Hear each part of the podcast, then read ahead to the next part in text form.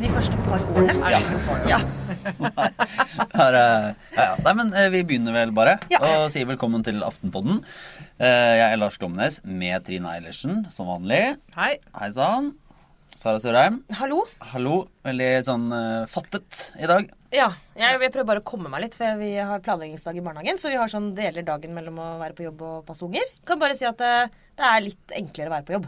Ja. Så skal ikke dvele mer med det. Selv om Men vi er jo da, etter å ha vært på hytte forrige uke, så er vi nå tilbake i der hele eventyret startet. I det bitte, bitte, bitte lille studioet vårt. Som er sånn at vi bare så vidt på plass. Fordi eh, noen eh, luringer fra Sprekpodden har kapra studioet vårt.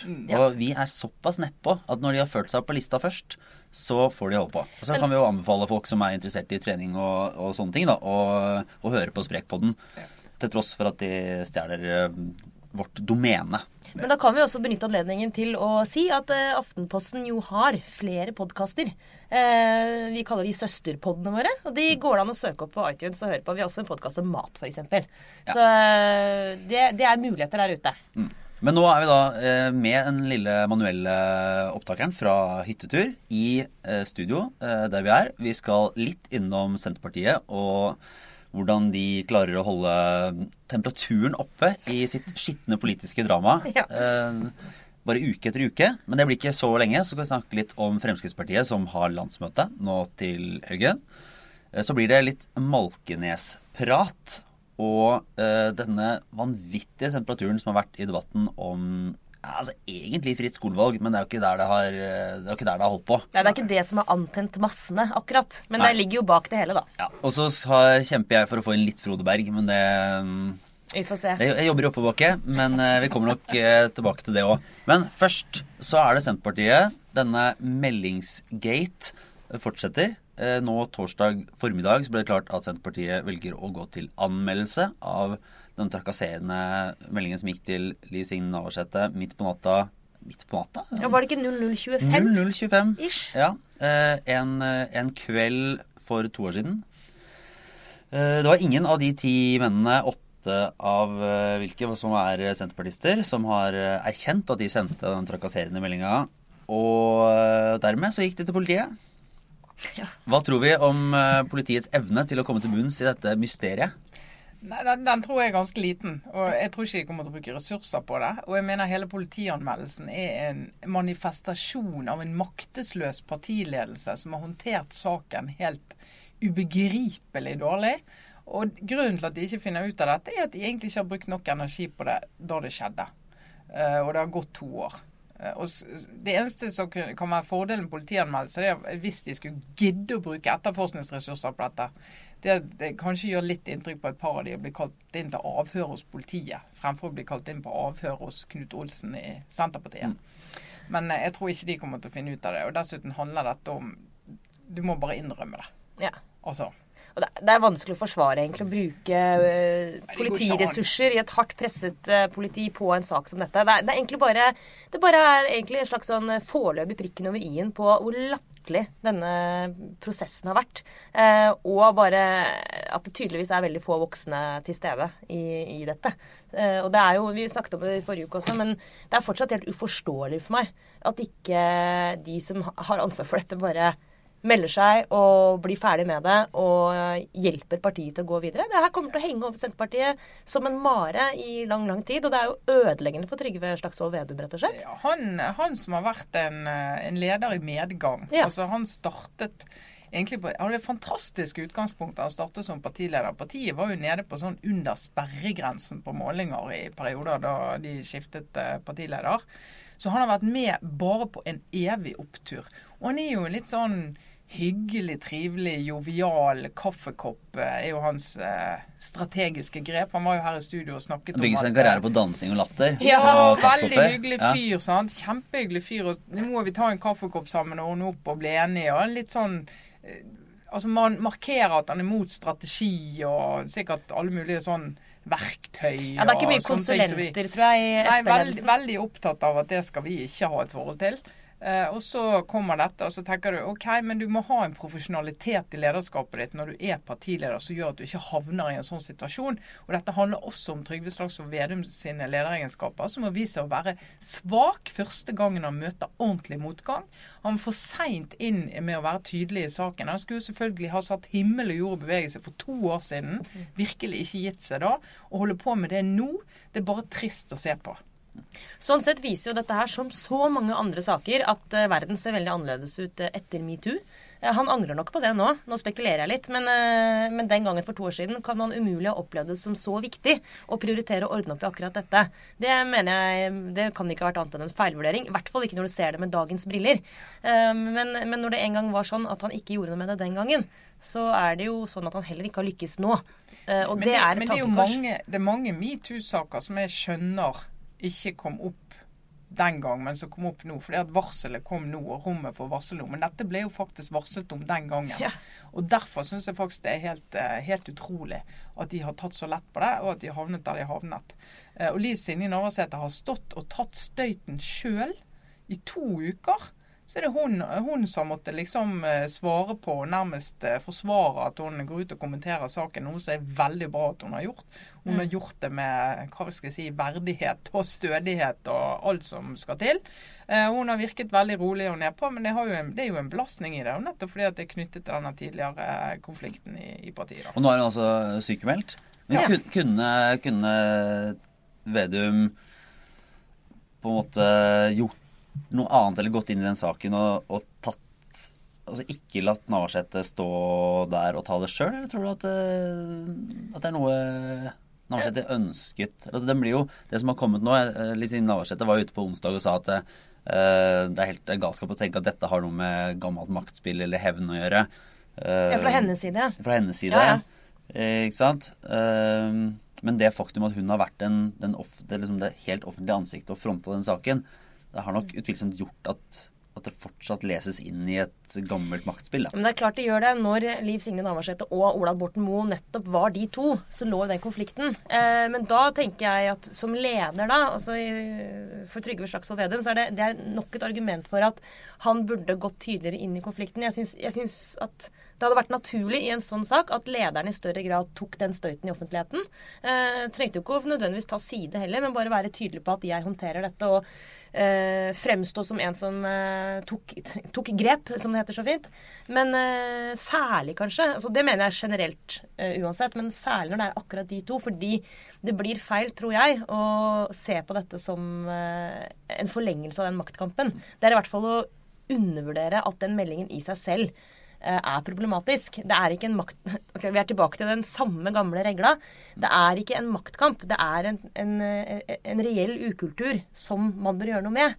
Og dette har jo vært et tema gjennom hele metoo, at veldig mange av de konfliktene blir lest eh, som en maktkamp. Eh, og så må man liksom klare å se bort fra det, da. Og der, akkurat Den maktkampen var jo over, og den tapte jo Liv Signe ja. Navarsete to år før den meldingen ble sendt. Så det gjør det jo Helt til slutt, vi bare hopper hoppe videre fra dette, egentlig. Men uh, tror dere at vi kommer til å få vite hvem som sendte den meldinga?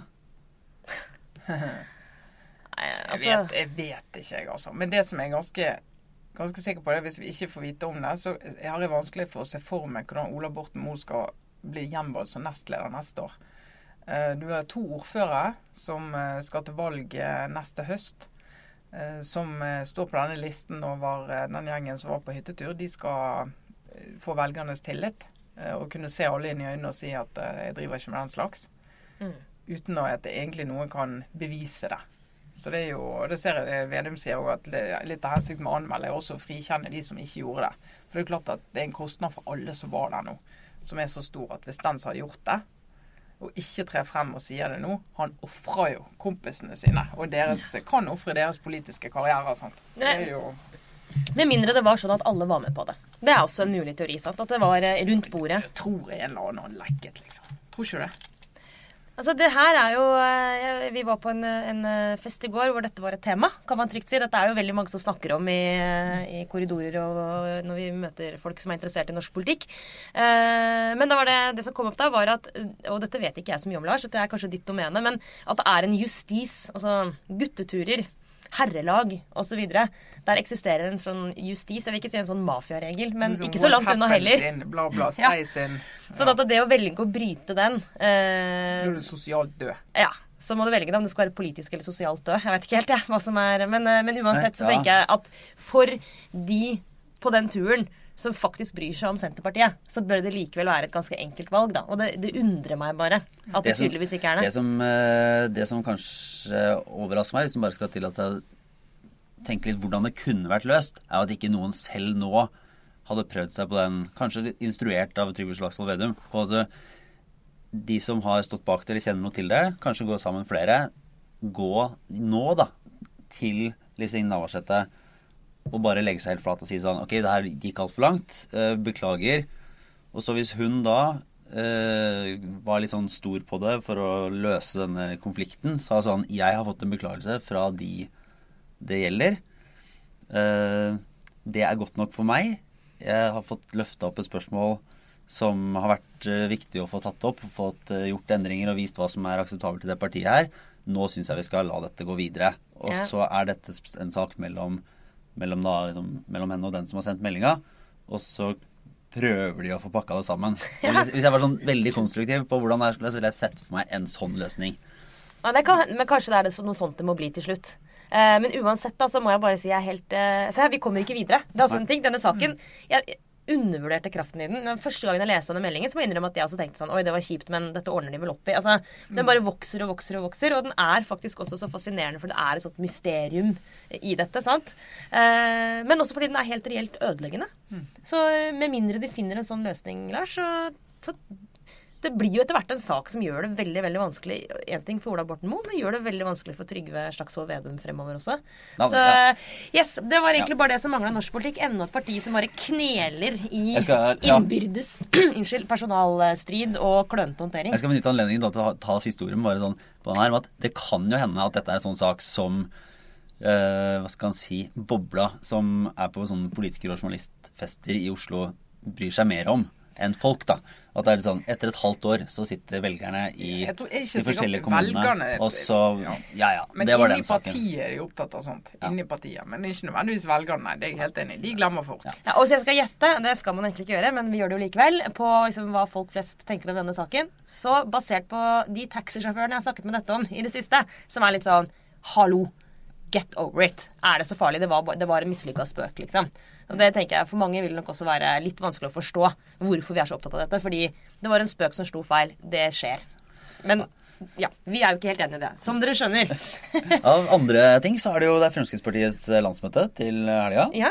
Eh, og da har vi den eh, årvise tradisjon at eh, de fra talspersoner i Fremskrittspartiet kommer og lanserer eh, litt av hvert av forslag og hva skal man kalle det primærpolitikk. Ja. Det, det, det artige denne gangen er jo at de også har begynt å snakke om miljø. Det er jo en sånn sideting så jeg tenker er det lurt, men det er noe så. Men de er primærpolitikk, altså innvandring, rett opp på listen.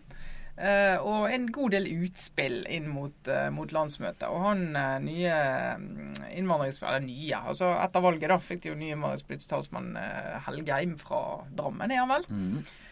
Der de henter alle innvandringspolitiske talspersoner er liksom i alle partier. Drammen som Ja. kan innvandring. Det er åpenbart eh, der, de, der de kan det best. Kort, det har altså det var en, et, en, eh, et forslag, eller at de jobber for å ha null flyktninger til Norge.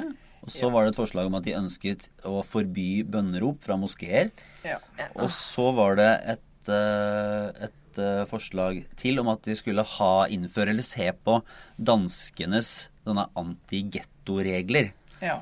Ja. Ja. Litt påfallende med alle disse tre tingene, da, er jo at for det første så er det tilsynelatende, i hvert fall som vårt land har fått gått opp, ingen moskeer som driver med bønnerop i Norge. Nei. Så det var en slags forskuttert Ja, og det, eh, forbud. Det er jo liberalistene i Fremskrittspartiet. Det, det, det forklarte jo Helgheim veldig fint her i NRK denne uken. At eh, nei, det er ikke et problem nå, men vi vil forhindre at det blir det. Ja, altså, og det er jo altså sånn preemptive strike, forebyggende tiltak i lovsform. Det, det, det Farvel, liberalist. Farvel. Farvel, antireguleringsparti. Ja. Og så var det jo dette gettoforslaget, da, basert på at danskene har innført uh, en del tiltak som er veldig om ikke, altså, skal si ytterliggående, veldig radikale. Eh, for å bryte opp det de mener er gettofisering av en del danske områder. Eh, og der også var det sånn Nei, vi har ikke gettoer i Norge i dag, var erkjennelsen fra Fremskrittspartiet. Men tenk så grusomt om vi kan hende at vi får det en gang. Dette er noe som min mor kaller for kloke elsetanker, eh, som er i min familie. Som er da ekstremt kort, da. Men jeg mener, det er det eneste jeg har klart å tenke på med Frp. Det er kloke Else som satt i trappen og gråt fordi hun skulle hente et syltetøyglass i kjelleren. Og så hadde hun tenkt å be datteren sin om å hente det, men så gjorde hun det selv. Og så skled hun i trappen. Og så ble hun så lei seg for hun tenkte tenk om jeg hadde bedt datteren min om å gå, hun hadde sklidd i trappen og dødd. Dette er sånn av en eller annen grunn en sånn historie i min familie som er sånn ikke ta sorgene på forskuddhistorie.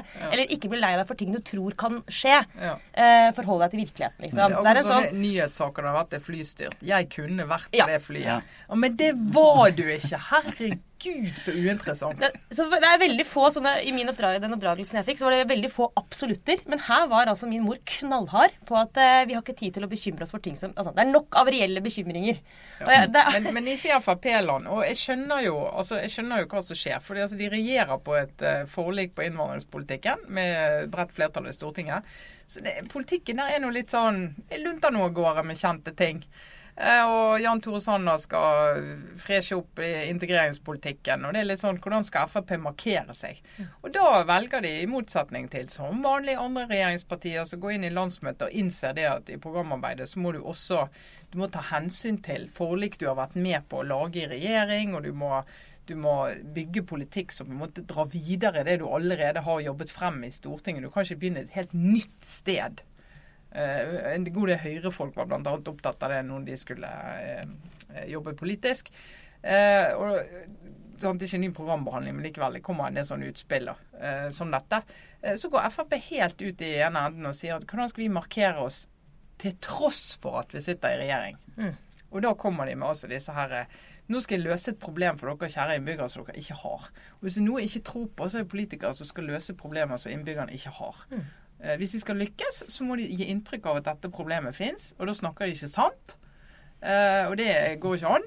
Eh, Så da kommer du med en sak som de fleste i Norge Litt sånn som jeg tror Arbeiderpartiet opplevde i valgkampen. Og de kjørte veldig på ulikhet og arbeidsledighet. mm. Det var enormt mange nordmenn som ikke så Men, den store endringen fra forrige gang de gikk til valg. men er det ikke en viktig forskjell her, eh, vil man tenke, for dette Det at ikke ikk- Det er vel mange som har et inntrykk av at bønnerop fra en moské eller at det er fare for getto, altså at det er gettoer i Norge. Det er jo en Ja. oppfatning som mange har. Så det kan alltid, at de politisk så kan man jo lykkes i å, å vise at man tar eh, velgernes problem, liksom, problemer på alvor, selv om det ikke nødvendigvis kan dokumenteres at det er Ja, men, reelle dette er jo, men dette er jo faktisk ganske problematisk. For en, en ting, Arbeiderpartiet lyktes jo ikke mye å, å spille på Eller det vil si det var sannsynligvis ingen frykt der ute i velgermassen i særlig grad da, for, for arbeidsledighet. ikke sant? Det lyktes ikke fordi det bildet de tegnet av fremtiden, det traff ikke det mentale bildet til eh, mange nok velgere. Men eh, når det gjelder Frp og frykt for innvandring, da, en slags sånn altså fremmedfrykt i den varianten av ordet. Altså at du er bekymra for hva som kommer til å skje med Norge. Eh, der er det nok sannsynligvis lettere å finne liksom sånn reell frykt i velgermassen. Eh, og da er det litt sånn avgjørende at vi har politikere som klarer å skille mellom det som er reelle problemer med økt innvandring, som selvfølgelig fins, og det som er en sånn eh, ja, kloke Else-måte å forholde seg til virkeligheten på. Da, å se male fanden på veggen. Et annet populært uttrykk. Men det er direkte ødeleggende for tillitssamfunnet vårt. sant? Det er faktisk også ganske sånn eh, Det er direkte provoserende at et parti eh, i regjering med voksne mennesker gjør dette. Og spiller på akkurat disse strengene. Det, det er sånn eh, For veldig mange mennesker som f.eks. ikke bor i en stor by, som ikke selv eh, har helt sånn tilgang til hvordan liksom, storbyer fungerer, og får høre at det er en gettofisering som pågår i Norge, da er det vel lett å tro på det, da. Men det er jo ikke det, ikke sant? Ja. Eh, og he, bare nevne i en bisetning. I går hadde Aftenposten et arrangement eh, om Oslo sentrum. En såkalt byutviklingskveld som vi har innimellom. Eh, et av temaene der handlet om hvordan man kan få næringslivet og andre aktører til å gå inn i en by og til å ta for seg problemområder i byer. Og prøve å vekke dem til live igjen. Eh, og da er det eh, Nefsat Arikan, en sånn utelivsgründer i Oslo. Han har nå gått inn på Grønland og han skal lage en slags mathall eller et matmarked under motorveibrua på Grønland. det er et skikkelig kjipt sted. Det er kanskje det stedet i Oslo som aller mest minner om en sånn altså, Der er det ganske lett å finne argumenter for at bl.a. innvandringen til Oslo på en måte ikke har gått helt bra, da. Mm. Og andre typer storbyproblemer. Hvis du lager en sånn dystopisk fremtidsfilm, ja. så ville du hatt en del scener fra under den ja, brua. Under brua på Grønland ja. er liksom et av de verste stedene i Oslo, og der er det lett å finne tilsynelatende eh, mange ting som, liksom, ja, som har gått galt. Eh, det kan man selvfølgelig velge å fokusere på, men så fantastisk da med folk som isteden går inn eh, og prøver å få til noe. Eh, og ikke bare fordi det er liksom pga. godheten i deres hjerter, men fordi han helt reelt mener at her er det også et marked for, og her kan man også faktisk få til noe man kan tjene penger på. Sånne ting er det vi må snakke om, og sånne ting er det vi må vise frem. Og sånne folk er det vi trenger. Ja.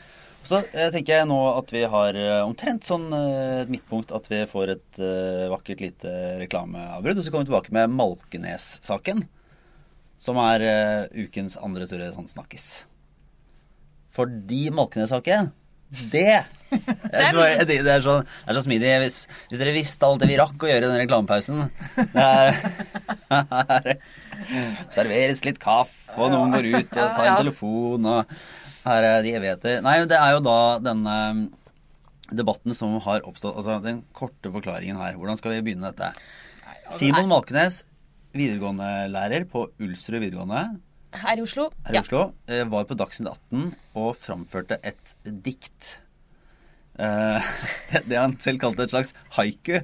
Eh, om en, en time på den skolen. Og så fortalte han da om med, brukte bokstaver istedenfor å måtte få navn. eller sånn, og Forklarte alle de rare tingene som skjedde. altså En som har glemt bøker, en som snakker, to som krangler. altså... Det var et slags sånn, sånn øyeblikksbilde av hvordan det er å være i et klasserom. Ja. Eh, og hvor vanskelig det kan være. Ja. At elevene rett og slett ikke følger med. Og En beskrivelse av et slags kaos. Og, ja. og eh, Malkenes har jo da vært en kritiker av Oslo-skolen.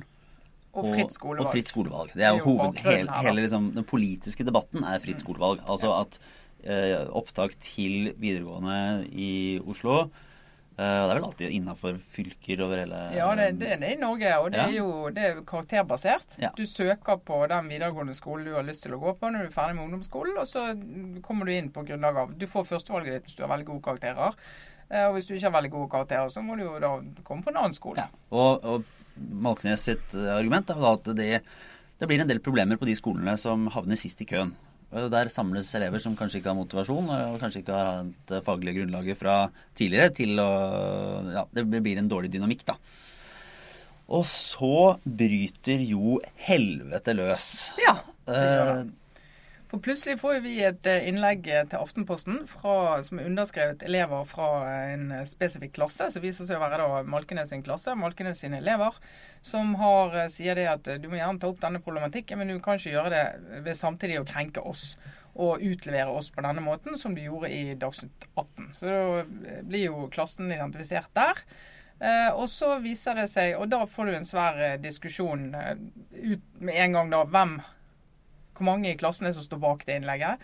En diskusjon om Aftenposten om vi kan verifisere og alt. og Jeg er trygg på at det er mange nok i klassen som står bak det til at det var forsvarlig å, trykke. Og i går så publiserte vi jo også hadde hun skrevet, hun som skrev innlegget, eh, at det var hun som skrev det. Så nå har hun også stått frem med navn.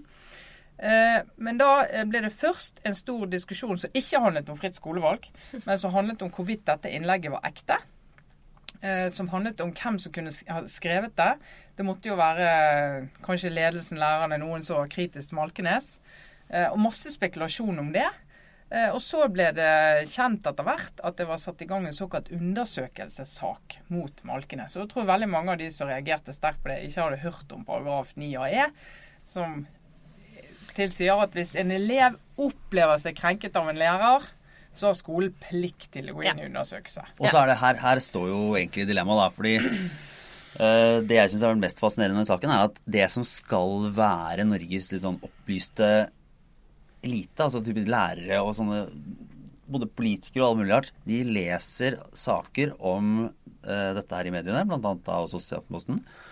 Og så ender de opp i hver sin grøft fullstendig Mm. Fordi man ikke Man har så mye politisk eh, forutinntatthet mm. at, uh, at eh, saken, som, eh, som også er litt dårlig opplyst, da, fordi det er en, delvis en personalsak og man får lite Det er informasjon. ikke en personalsak. Nei, nei, det er- altså ikke er en, uh, ikke en formell personalsak, men, Ja. altså, men det dreier Men det seg om om et ansettelsesforhold. Ja. Det er jo uh, sånn at skolen og ansatte ikke vil gå inn i eh, det som dreier seg om ansettelsesforhold til en enkelt eh, Men liksom, her, bare for å ta det med en gang, da.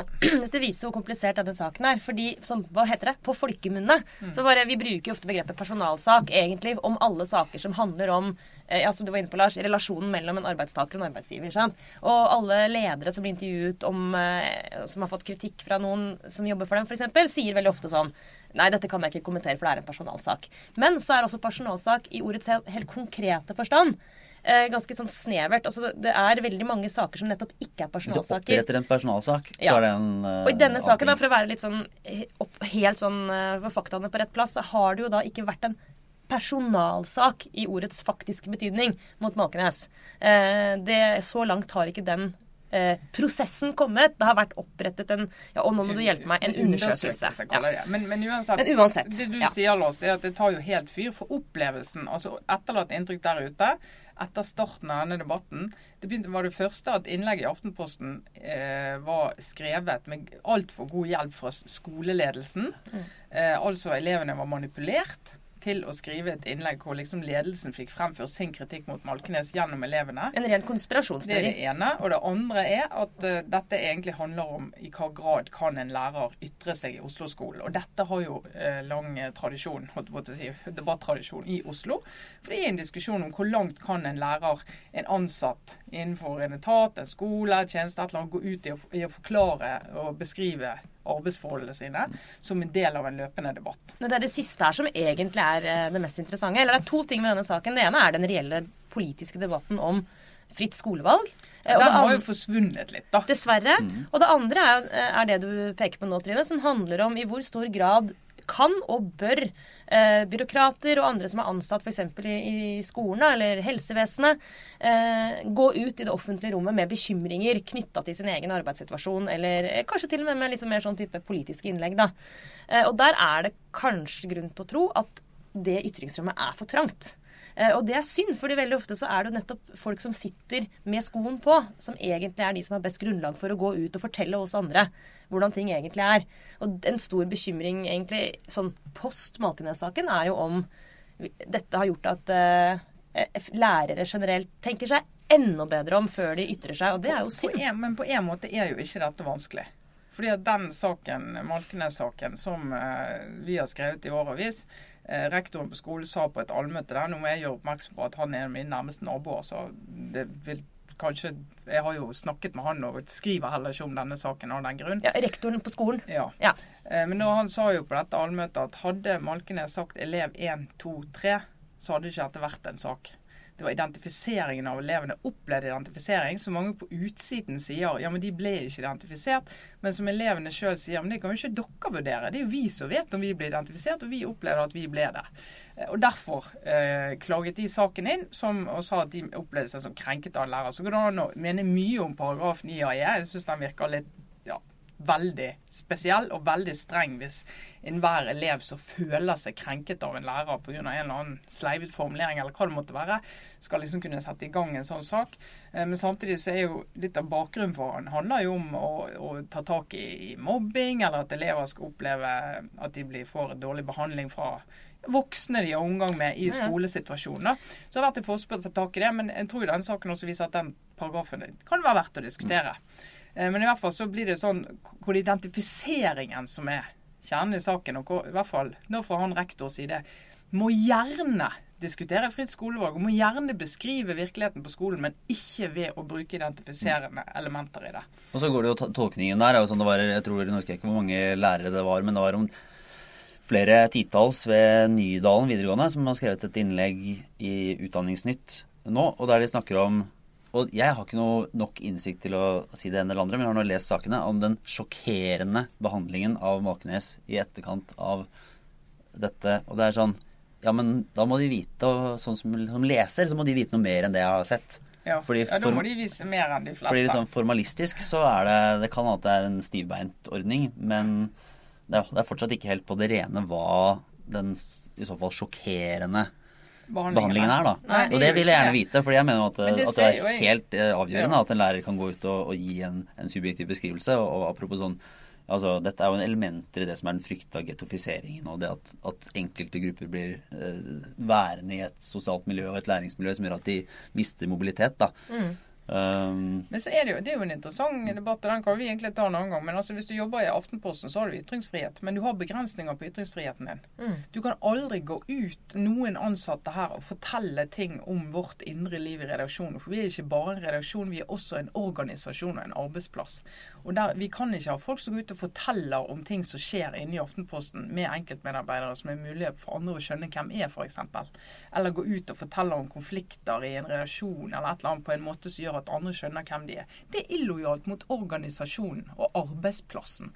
Og journalister i Aftenposten har også andre begrensninger på sin ytringsfrihet. Så det at du er ansatt et sted, det gir begrensninger.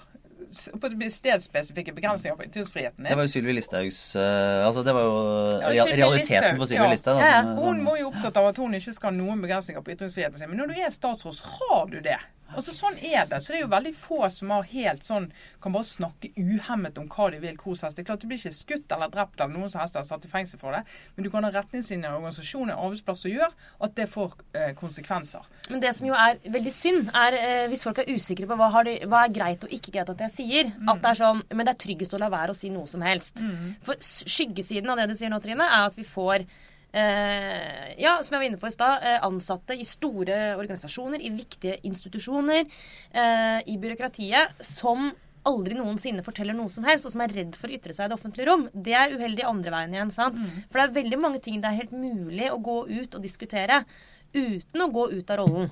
Eh, Men det er klart man må ha en forståelse for hvilken rolle man har, og hvordan den skal eh, på en måte, altså hva, Hvordan man skal være i rollen i det offentlige rommet, og ikke være privat, og ikke gå ut av det man kan snakke om. Men det er jo fullt mulig for også ansatte i f.eks. skolen å løfte en debatt om eh, skolepolitikk uten å bryte det eh, den, uten å bryte ut av rollen. Da. Men det burde, bør man jo ha en diskusjon om på enhver arbeidsplass. Hva er greit, og hva er ikke greit at våre ansatte Og det, snakker og om det, ute. det, jeg vet ikke nok om de enkelte Oslo-skolene til å vite om de har den diskusjonen. Men, men det er jo åpenbart. altså det Inntrykket er at ytringsfriheten for lærere i Oslo-skolen er veldig begrenset. og Det tror jeg er litt av grunnen til at eh, dette setter, eh, tar så veldig fyr. Men jeg må jo si at noe av det som er mest forstemmende med denne debatten, for mange av de involverte er voksne folk som tåler dette helt fint, men det er disse elevene da, som eh, skriver et innlegg. Eh, De får hjelp av en lærer eh, på, til, De får bruke PC-en til hun ene læreren beskrev eleven i går. Fordi hun hadde glemt sin PC, eller hva det var, så hun fikk bruke det. Sendte det av gårde. Fikk eh, hjelp av voksne til å formulere seg. Ikke læreren, men andre voksne. Eh, Sånn jeg forsto det. eh, Sender det til Side i Aftenposten. Og vi vasker jo alt språk. Side-redaksjonen vasker jo alt språk. Det er litt av grunnen til at Side er såpass viktig og såpass populær, fordi at enhver type skribent opplever å fremstå som ja, Budskapet kommer tydelig frem da, i det de For det er ikke noe poeng å publisere noe som hjelpeløst skrevet og masse feil. og no, hele poenget med for å si det også er at Side er en, er en kanal for ungdommer. Ja, det eh, og det. er veldig ofte det første stedet unge mennesker eh, får muligheten til å ytre seg i offentligheten. Og, og da trenger man ofte litt rett og slett assistanse for at teksten skal være publiserbar. Men innholdet og meningen er jo avsenders. Da- men, men men, men da ser jeg sett voksne debattanter som jeg vet eh, egentlig er ganske påkoblet. Kaste ut av seg på Facebook masse sånn ironisk. Ja, dette var jo så godt skrevet. til Srus, og som det er skrevet av en, eh, en voksen, kanskje en ansatt på skolen. Eh, og så har de gått inn i og funnet ut at det er jo mest fremmedspråklige elever. De har funnet ut av eh, hva norskresultatene deres var til prøvene Ja. før jul. Og liksom hele tiden, og, og egentlig det de sier da, de tror ikke på at disse elevene evner å formulere eller å tenke egentlig frem en sånn type innhold. Og det er jo så nedvurderende. Hvis du kan snakke om krenking, så er du virkelig Det er faktisk nedrig. ja, det, Og det er voksne folk at de ikke holder igjen uten at de vet mer om det, men at de spekulerer i at elevene er helt idioter. Det syns jeg faktisk det burde mange av de holdt seg for gode for. De skulle skamme seg. Men eh, vi eh, må ha litt rann, eh, obligatorisk refleksjon. Eh, vår, en av eh, våre få spalter. Vi har egentlig snakket om nå som vi har jobbet med å tenke hvordan vi skal dyrke denne podkasten inn i inn i dette, Få dette treet til å vokse inn i himmelen. Så, så jobber vi med litt flere spalter fordi det er gøy. Uh, men det er en prosess. Uh, Ja, Vi tar gjerne imot forslag, da. Ja. På hva, bortsett fra altså, vi har jo vi har reformhjørnet vårt, som som -hmm. stort sett er Eilertsen sitt domene. Ja. uh, Og så har vi eh, obligatorisk refleksjon, da. Hvis det er noe annet dere savner, så tar vi gjerne imot, liksom. Hva Jo, så har vi jo gode, men ubekrefta rykter, men det er det dessverre altfor sjelden vi har egentlig Det nok vært en, vært en god nok. tørke. Ja. Det er jo også litt Eh, fordi vi er- lever i en offentlighet nå hvor absolutt alle rykter bare blir eh, saker. Så vi, det, er, det er den sjangeren sånn ting vi har hørt, men som eh, dere hørte det først her. Den har blitt smalere og smalere. Ja, men- Men eh, jeg har jo fått jobba og prøvd å Men det er jo Frode Berg-uka. Det er jo den aller største saken, egentlig, i norsk offentlighet. Jeg hører folk Ja, sier det. Ja, Og, og der er jeg belemret da med en liten podkastredaksjon som er de minst eh, spioninteresserte i hele Norge. Fordi jeg syns jo det er veldig fascinerende at man har altså, dette, liksom, Etterretningen det er sånn midt inn i populærkulturen nå. da. Du har, Jeg har sittet og sett eh, tre sesonger av Le Bureau, da, Ja, som dere også har gjort. hvem har også, ikke det? Ja, og så Ja. er det Homeland og alle andre. Og der amerikanerne har en sånn Carrie Mathison, og eh, franskmennene har han derre eh, kjekkasen. Malotro. som, eh, Og, vi, og vi har Frode Og vi har Berg. Frode Berg. En sånn der, en 62 år gammel grenseinspektør med sånn betutta ansikt som står bak gitteret der borte i, i Russland. All mulig, all mulig Han ser altså veldig trist ut, stakkars. Ja, Ja. det var veldig vondt av. Jo, men poenget Lars, er at det er ikke- ikke et vondt ord om uh, Altså, Jeg er veldig glad i spionlitteratur eh, og, og spionthriller og sånn. Altså, Jeg må bare si Smiley-triologien til John Le Carré, for eksempel. Jeg tror jeg er på mine topp fem bøker i hele verden. Det er dødsspennende. Men problemet med sånne etterretningssaker er og nå, det, nå slenger jeg ut en påstand, helt uten egentlig empi, empirisk. Eh, Don't be shy. Nei, altså Disse sakene er sånn den, de ultimate guttesakene. Altså Det er nesten ja, Det er en sånn gutteklubb som er opptatt av eh, etterretning, og som er skriver side opp og side ned bedrevitende kommentarer om Frode Berg, og påstår å vite det ene eller det andre om eh, hva norsk etterretning egentlig har gjort, og hva er det russerne egentlig holder på med her, og hva er det Frode Berg eh, kan, kan vi tro på han, kan vi ikke tro på han? Så tenker jeg sånn, vet du hva, Dere må gjerne mene og holde på, men sannheten er når det gjelder etterretning Ingen vet noen ting. Altså, Du kan ikke stole på noen. Alt er ljug. Utrolig defensivt eh, Ja, men- utgangspunkt. da. Ja, men det er bare å innse. Det er bare, Det er ingen av disse mennene med armene i kors på Baran-bildet sitt som egentlig veit hva de snakker om. Det er min påstand. Ja, altså min, eh, min Jeg også må, må si at jeg har, ikke, jeg har heller ikke vanligvis sånn veldig tenning på sånn etterretning og, og den slags. Og det, altså I denne saken her så tror jeg det har med å gjøre at ja, For det første passer jo ikke Frode Berg inn i mitt bilde av, eh, av spionene. Det er et lite stykke fra Guillaume. Ja, jeg syns og det er veldig trist. Og sånn trist å se på han. Og, altså, jeg får veldig vondt av han. Og liksom, så, så skjønner jeg jo, og så er det jo veldig sånn enormt pinlig for Norge at du har en der inne på E-tjenestens sannsynligvis oppdrag som bare tabber seg helt ut og havner der han havner. Men jeg bare merker at det Nei, jeg har ikke tenning på den saken, altså. Jeg har ikke det. Ja, den, eh, men det er jo Ja, jeg vet ikke. Det, er, det får noe, vi, vi kommer nå til å dekke det leser si- med interesse, men det er jo Håper han slipper ut av fengsel. Det må jeg si. Altså, Ja. det, det, fordi det ser kjipt ut. Men eh, jeg håper, også, jeg håper jo også at uh, norsk etterretning ikke har gått på en helt sinnssyk smell. Men det, det, det um Det er umulig å vite på det nåværende tidspunkt. Kurer er jo det han er, ikke spion. Nei. Det har jeg lært at jeg må være veldig nøye med. Veldig nøye med forskjellen. Ja. Jeg tror i hvert fall ikke, vi skal være veldig forsiktige det er ikke sikkert eh, russerne bryr seg om den forskjellen. Nei, det, nei, det er på ingen måte sikkert. Men, ja. Men hva en person i russisk fengsel eh, sier via sin russiske advokat, f.eks., er eh, Hvis man har det minste snev av kildekritisk sans, så må man i hvert fall tenke på at det kan Ja, være f.eks.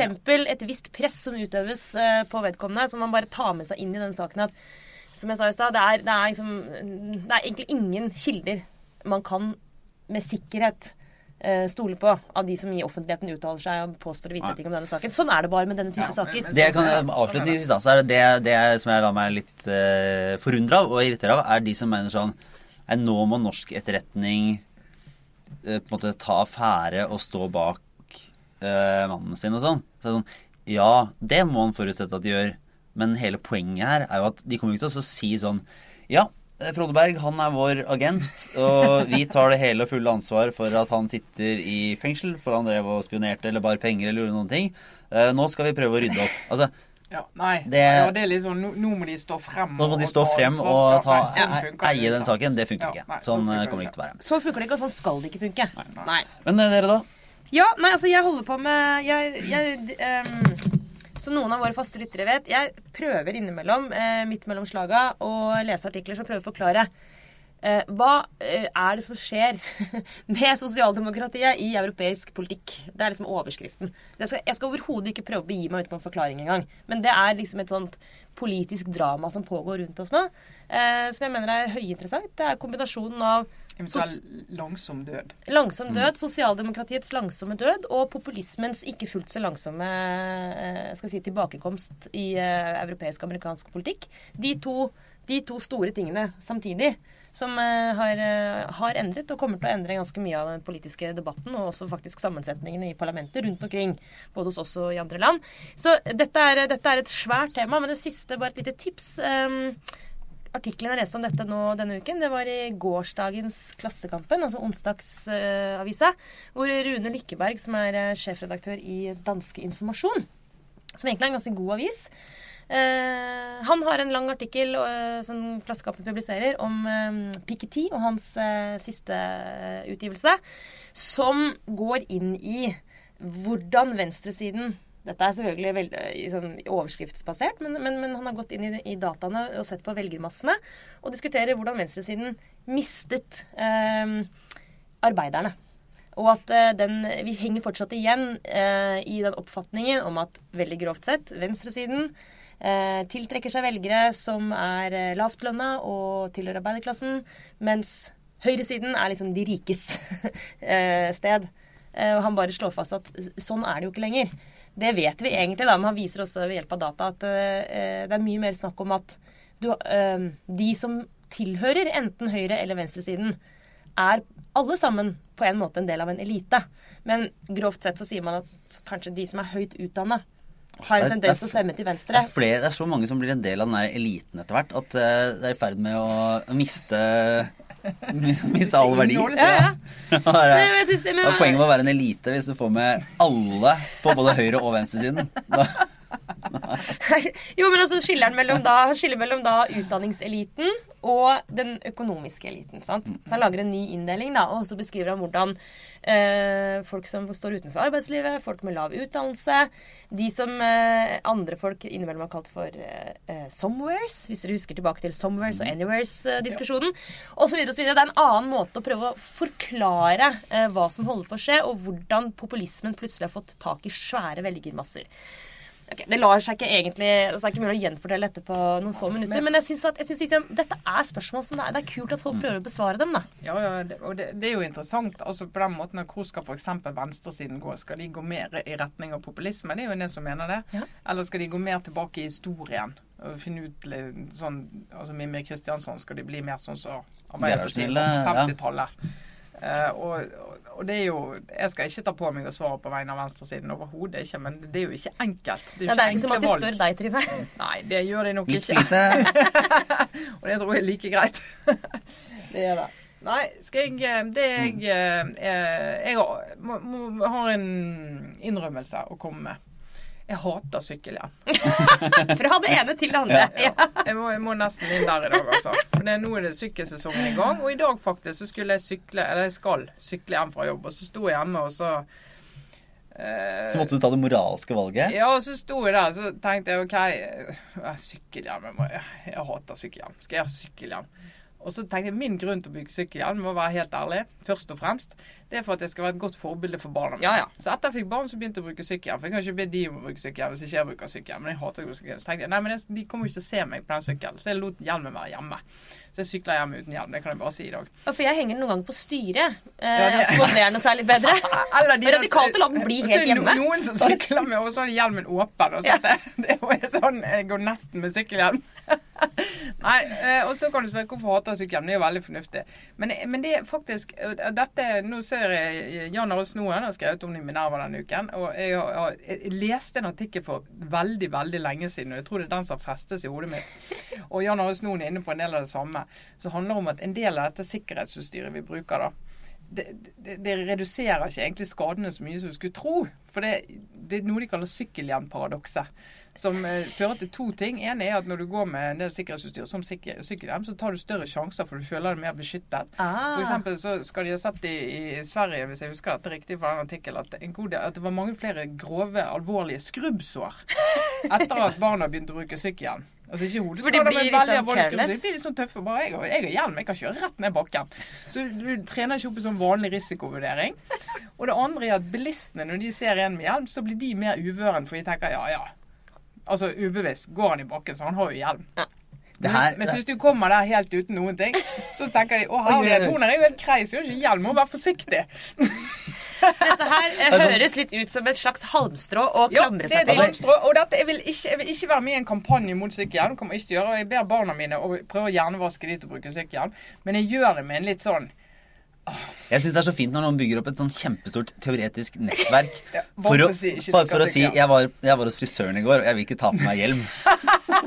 Som faktisk er sant når det gjelder ja, Nei, det, Men den er helt sikkert, og jeg garantert kommer sikkert få kjeft for dette her. Men jeg, jeg, eh, så sant jeg ikke sykler i marka i sånne løyper med trær og kvister, og det gjør ikke jeg. Sånn helt ellevilt ned korketrekkeren og sånn. Så, så jeg, jeg, altså sykkelhjelm det bruker jeg kun for at andre ikke skal synes at, Skal at jeg ser dum ut. Men vet du Nei, at kan jeg jeg ser stygt meg, det er riktig. For å se dum ut gjør jeg jo uansett. ja. Eh, Men eh, da kan jeg bare si at eh, noen kommer til å bli sure på deg. Andre av oss kommer til å takke deg for å sette ord på noe som er veldig vondt og vanskelig. Men jeg kan røpe at på lekeplassen hjemme hos oss, hvor jo vi møtes, eh, vi som er i samme type situasjon da, i, i livet, står der og, og der er det en liten fraksjon med folk som veldig stille og lavmælt hvisker til hverandre at egentlig hater vi sykkelhjelm. Men det er ingen som tør å si det høyt, så du Trine, du, du gjør jo nå det. Men altså, det er. Blant foreldre finnes det da Det er et liten slags sånn En slags hemmelig klubb av mennesker som sier Men det er jo ingen som elsker sikkerhetsbelte i bilen heller. Det er jo på en måte ikke sånn Nei, men- Det er jo ikke, det er jo ikke det- noe sånn der der er jo- kjærligheten til sykkelhjelm som skal drive drive det, her. men det mener jeg er bedre belagt. At det er nødvendig med sikkerhetshjell i bilen. Men, men det, det, er jo, det er jo bruken. Og det ser jo de, de små guttene mine også. Bare for at de skal lære seg å bruke hjelm, så sykler de rundt på liksom eh, liten sånn plass foran en garasje. Hva, hva kan den være på, da? 16 kvadratmeter? Ja, du må ha hjelm, liksom. Ja. Så jeg, en dag blir jo jeg avslørt. Så ser de mamma bruker ikke hjelm når ikke vi er der. Ja, ja. Nei, men eh, med den Lars, Lars var sånn Nå er det nok med denne Ja. De, de, eh, Få diskusjoner du engasjerer deg mindre i, Lars. Ja, nei, altså, jeg, jeg eh, bruker jo ikke hjelm, jeg. Så. Du har bare ikke dårlig samvittighet for det. Men altså, men jeg bare litt i tillegg. Jeg vokste opp et sted der vi fikk beskjed om å bruke redningsvest når vi var ute i båt når vi var barn.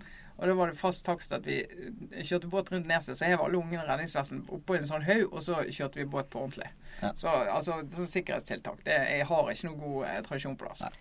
Men eh, da runder vi av for den gangen her. Og så er vi tilbake neste uke. Eh, kanskje fra et ordentlig studio. Det satser vi Eh, på. for de som eh, måtte ha noe å innvende på, på lyd eller eh, annet.